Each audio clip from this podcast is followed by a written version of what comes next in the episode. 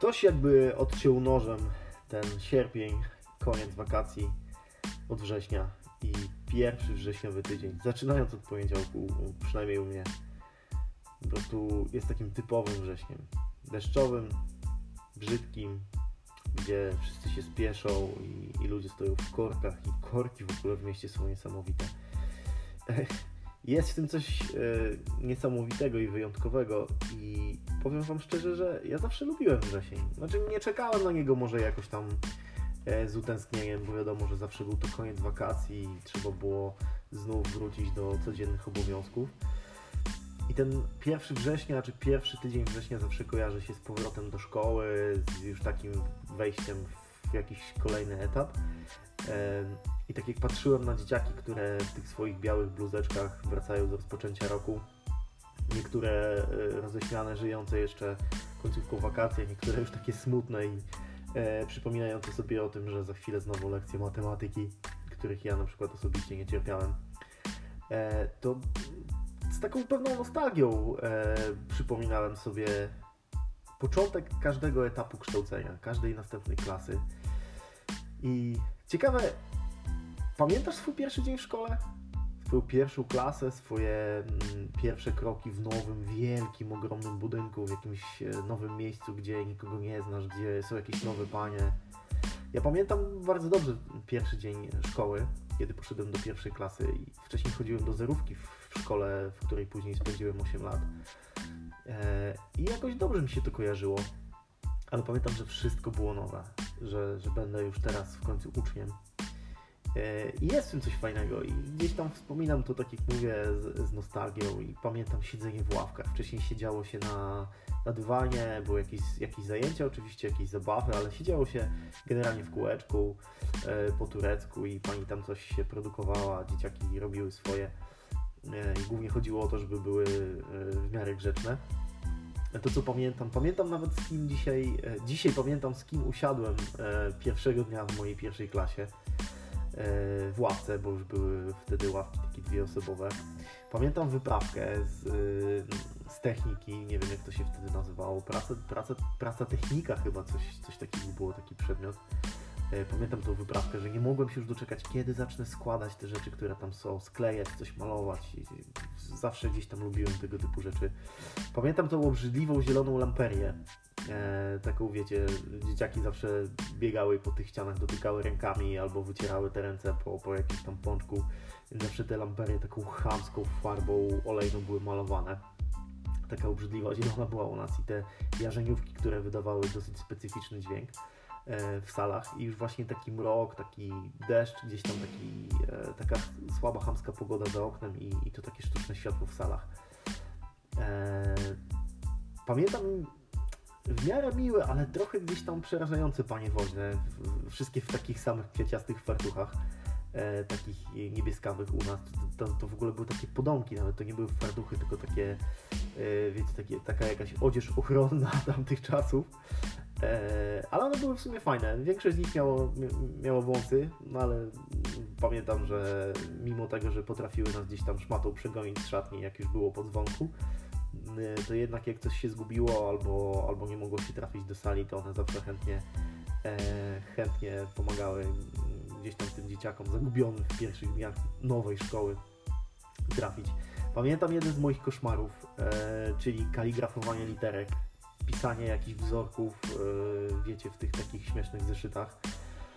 I dla mnie to był koszmar, dlatego że ja wiem jakieś takie dziwne ołówki, e, które brudziły ręce. To były chyba ołówki do kopiowania. One nawet nie, nie były jak dzisiejsze ołówki, tylko były takie lekko fioletowe.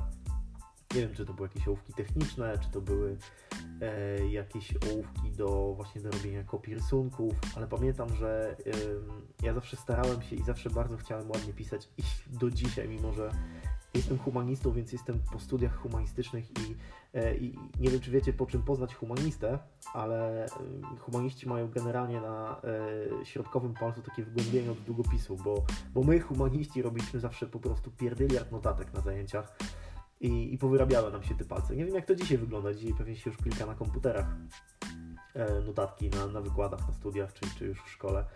Ale, ale ja swoje wypisałem w życiu i, i tak naprawdę do, do dzisiaj bat grzech kura pazurem i do, do dzisiaj mi się tego nie udało ogarnąć. Jeszcze, wiecie, to skupienie, wyciągnięty język dzieciaka, który tam próbuje jak najlepiej napisać tą literkę A y, 50 razy w tym y, zeszycie i, i te ręce mi się strasznie pociły i do tego ten ołówek się rozpływał i po prostu wszystko było takie brudne, wszystko było takie rozmazane. Ja zawsze miałem brudne ręce, zawsze byłem pomazany.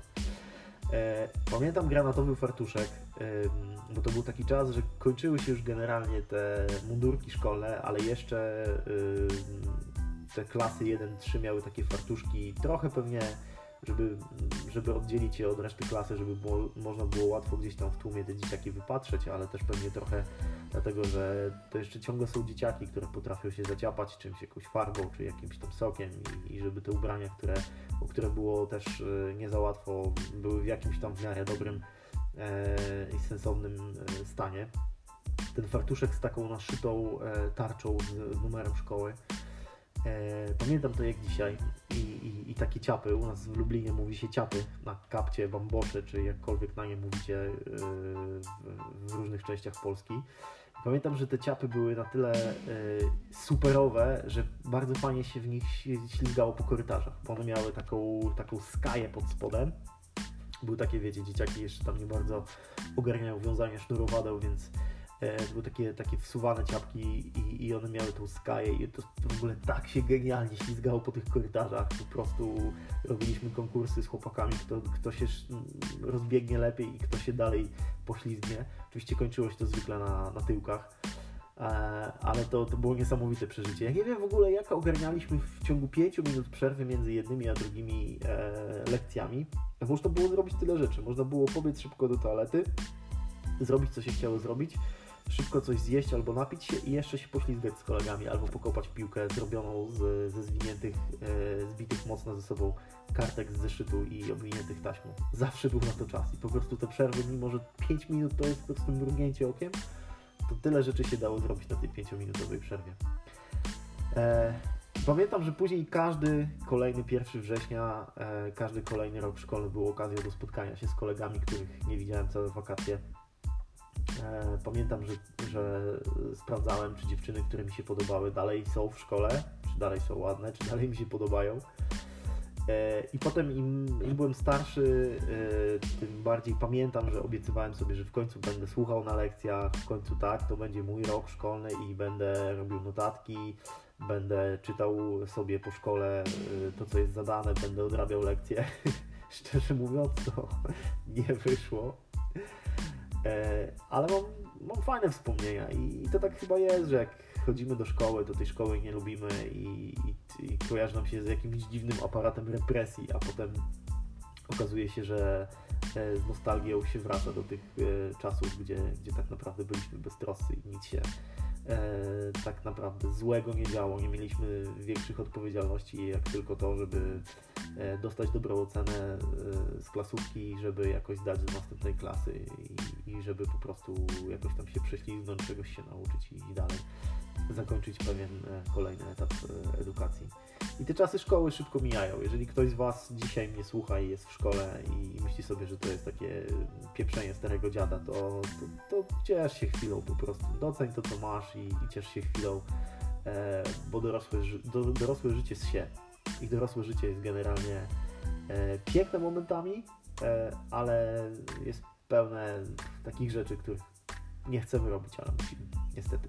Więc zostają dobre wspomnienia, zostają spotkania klasowe po latach. Ja w najbliższy, w najbliższy weekend mam spotkanie z ludźmi z podstawówki i pewnie będzie super, e, ale to też przerażające. Mamy się na Facebooku, więc też widzę, jak ci ludzie się zmieniają, jak zmienia się ich życie, jak się zmieniają też fizycznie, jak dzisiaj w ogóle części osób nie poznam na ulicy. Nie dlatego, że udaję, że, że się nie znamy, ale, ale po prostu ludzie się bardzo, bardzo mocno pozmieniali ten, ten, ten słodki chłopaczek, blondynek z loczkiem, który, który zawsze był taki fajny. Dzisiaj jest po prostu y, łysym grubasem, który nie ma już połowy zębów.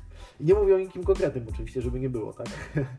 ale, ale no, trochę czasu już minęło od końca podstawówki. E, I kiedyś było jakby o tyle prościej e, wszystko jakieś było takie łatwiejsze, nie było internetu, nie było social mediów, e, informacji szukało się w encyklopediach w bibliotece albo w takim e, już kultowym czasopiśmie, jakim był Świat Wiedzy. Nie było Wikipedii, więc żeby znaleźć jakąś informację na, na przykład na referat, który się wzięło jako, jako ochotnik, to, to trzeba było pójść do biblioteki, pożyczyć parę książek, przejrzeć, zrobić notatki, jakoś to opracować. A dzisiaj to, e, tak nawiązując do social media, to, to, to korporacje się rozpychają e, bardzo mocno na całym świecie, sterują wręcz całymi państwami. E, I wczoraj obejrzałem taki dokument Netflixowy pod tytułem Hakowanie świata. Pewnie część z Was widziała ten dokument. I powiem Wam, zmartwiło mnie to, że nie bardzo zdziwiły mnie informacje tam zawarte. Po prostu jakby nic nowego pod słońcem. Nie było tam nic, co byłoby w stanie mnie zdziwić i co bym powiedział, a okej, okay, nie wiedziałem, to teraz nagle mój światopogląd się zmieni. E, smutne clue tego filmu było takie, że, że dzisiaj jesteśmy towarem. Nawet nie my sami, nikt nas nie sprzedaje, ale informacje o nas. I te informacje, a dzisiaj tak naprawdę największą wartość stanowi informacja. Dzisiaj tę informację o nas samych oddajemy za darmo. Wrzucając nasze zdjęcia na różne portale społecznościowe, e, klikając to czy tamto, e, pozwalając się śledzić przeglądarką, czy nie wiem, zakładając jedno, jedno konto, które służy nam do, do wszystkiego. E, I o ile jeszcze targetowanie reklam to jest jedno i to jest w miarę ok, bo to nie wpływa specjalnie na nasze zachowanie, może być czasem wnerwiające, że nam się coś pojawia na ekranie jako reklama, co już dawno kupiliśmy, to e, tak naprawdę mm, przeraża to, że wpływ e, coraz szerzej zakrojony to jest wpływ na nasze zachowanie i już nie tylko ludzie chcą, e, czy korporacje chcą, żebyśmy kupowali jakiś konkretny produkt, ale sterują naszym zachowaniem i, i jest to robione szerzej niż nam się wszystkim wydaje. Myślę sobie, że e, kolejna prawdopodobna wojna między jakimiś dużymi mocarstwami będzie wojną dezinformacyjną. E, w dzisiejszych czasach coraz mniej potrzebne są nam wielkie armie, które, e, które są dobrze uzbrojone.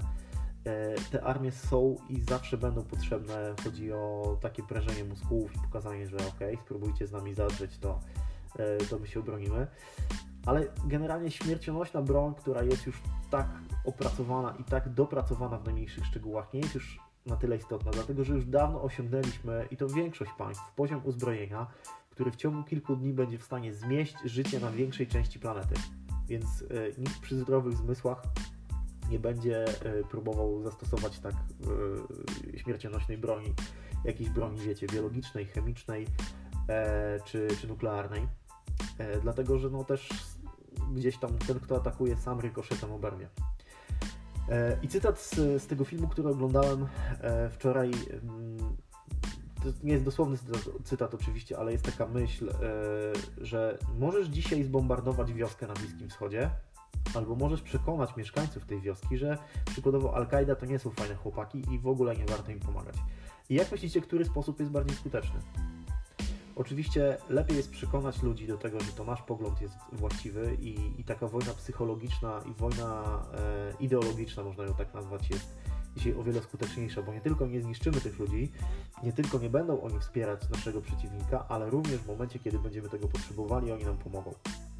I dzisiaj właśnie w taki sposób, kiedy wysyła się żołnierzy to, to duża część, yy, w takim cudzysłowie oczywiście, walki prowadzona jest właśnie w taki sposób, przez jakieś ulotki, przez jakieś tłumaczenie, spotkania z mieszkańcami, pokazywanie filmów, oczywiście propagandowych, mniej lub bardziej, tak, bo, bo, bo to bardzo mocno wiąże się z propagandą i od tego nie jesteśmy w stanie yy, gdzieś tam uciec w dzisiejszych czasach. Yy, to jest właśnie ta broń. I tak sobie myślałem, jak my, ludzie żyjący dzisiaj, e, możemy się obronić przed tym. I myślę sobie, że najlepszą obroną, najbardziej skuteczną bronią, którą możemy zastosować przeciwko tego typu mechanizmom, jest nasza świadomość. Nie da się zmanipulować człowieka świadomego tego, że próbujemy wpłynąć na jego zachowanie. Pamiętam to jeszcze z czasów szkoleń e, z obrony przed e, psychomanipulacjami, że jednym z warunków psychomanipulacji, czy manipulacji szerzej ogólnie mówiąc, jest yy, nieświadomość osoby, która jest manipulowana. Dlatego świadomość jest potężną bronią. Zawsze będą na świecie ludzie, którzy, którym będzie mało pieniędzy, którym będzie mało władzy, którym będzie mało wpływów, więc ja jestem przekonany, że kolejna duża wojna jest tylko kwestią czasu. E, myślące społeczeństwo jest tak naprawdę silnym społeczeństwem Musimy uświadamiać innych ludzi, bo pewnego dnia może się okazać, że jesteśmy zwycięzcami. Niestety, rozglądając się, patrząc na, na social media i rozmawiając z ludźmi, którzy są wokół mnie na co dzień w mojej pracy, z klientami, z sąsiadami, z ludźmi spotkanymi gdzieś tam przypadkowo, stwierdzam, że większość z nas po prostu idzie w głównym nurcie i ma takie mm, podejście jak to korporacje chociażby chciałyby, żebyśmy mieli. E, I to mnie wkurza. To mnie strasznie wkurza. I, i, I w ten sposób też chciałbym zacząć nowy cykl, który też daliście mi fajny feedback na Instagramie. Dzięki, że taki cykl może być fajny i sensowny. Czyli cykl to mnie wkurza. E, kiedyś Wojtek Cejrowski e, miał taki fajny cykl na, na YouTubie. E, jakby ja samego gościa nie, nie, nie oceniam, on budzi bardzo skrajne emocje z jednej i z drugiej strony, ale ten cykl, to mnie wkurza, był, był fajny i to taki mm, coś, co bym podpiął też pod kultowy film Dzień Świra, że są pewne rzeczy, które wkurzają nas wszystkich, wnerwiają nas po prostu równo i nikt z tym nic nie zrobi tak naprawdę i nikt nawet nie myśli, że coś z tym może zrobić. I Cejrowski oczywiście mówił o codziennych sprawach, takich jak uwaga, i to też jest jedna z rzeczy, które mnie strasznie wnerwiają.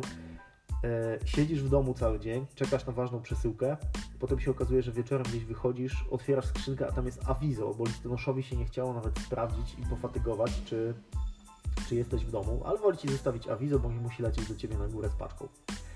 Znacie to. Każdy z nas to chociaż raz yy, przeżył na swojej własnej skórze. Eee, więc Tyrowski jakby mówił o takich prostych rzeczach, yy, jakieś tam, wiecie, prawo, które nie pozwala staruszce sobie dorobić, mimo że ma, ma talent i zdrowe produkty i sprzedaje to mleko gdzieś tam, czy powiedzmy nalepi pierogów i chce sobie dorobić 10-20 zł, yy, no bo po prostu brakuje jej, tak? Większość kasy zżerają leki, a, a to jest straszny dylemat, nie wyobrażam sobie tego, ale sporo starszych osób ma taki dylemat, czy dzisiaj zjeść, czy dzisiaj wziąć leki. To jest w ogóle temat też na inny podcast, ale ale, ale tylko Wam to sygnalizuję.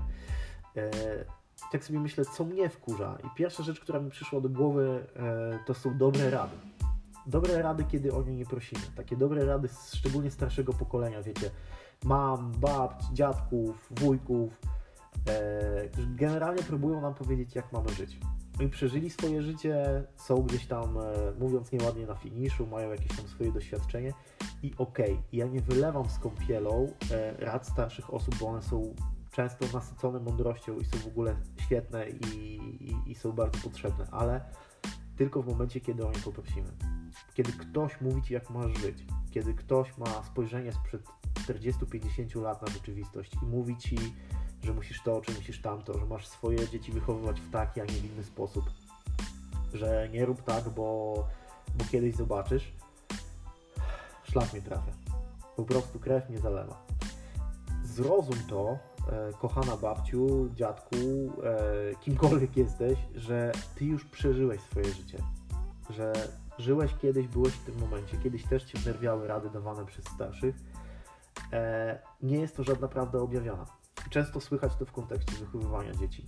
E, moja kochana mama próbuje czasem też mi pewne rzeczy wyperswadować, e, wskazać. E, I ja jej zawsze mówię, staram się to robić z miłością oczywiście i szacunkiem. Mówię, ty wychowałaś swoje dzieci, zbierasz dzisiaj tego owoc, przez to jacy ja i moja siostra jesteśmy i daj mi teraz szansę popełnić moje własne błędy, ponieważ to jest moje życie, to jest moje dziecko i zrobię to najlepiej i zaufaj mi, że zrobię to najlepiej jak potrafię, bo kocham swoje dziecko, nawet bardziej niż ty kochasz swoją wnuczkę i pozwól mi to zrobić tak, jak ja chcę i popełnić swoje własne błędy. I zostaw swoje rady do momentu, kiedy ja Cię o nie poproszę. Uch, to jakoś tak się zrobiło, tak sentymentalnie. E, muzyka na dziś. E, dzięki Sebastianowi za kawałek, który podrzucił e, niby przypadkiem, ale chodzi za mną już drugi tydzień. To jest Sokół. Wojtek Sokół na propsie a jeszcze na featuringu jest Andrzej Załucha i to jest kawałek pomyłka, więc y, zachęcam, wrzućcie sobie. Bardzo fajny beat, bardzo fajny, głęboki tekst. Mimo, że kawałek jest lekko depresyjny, to myślę sobie, że pasuje bardzo dobrze do września. Tyle ode mnie, dzięki. E, kończymy powoli pierwszy sezon e, podcastu. Będzie pewnie jakaś tam chwila przerwy, może będzie jakiś prolog, e, a potem zupełnie za niedługo wracam do Was z kolejnym sezonem i z niewielkimi, ale myślę sobie, że fajnymi zmianami w podcaście. dzięki za dzisiaj. Do usłyszenia.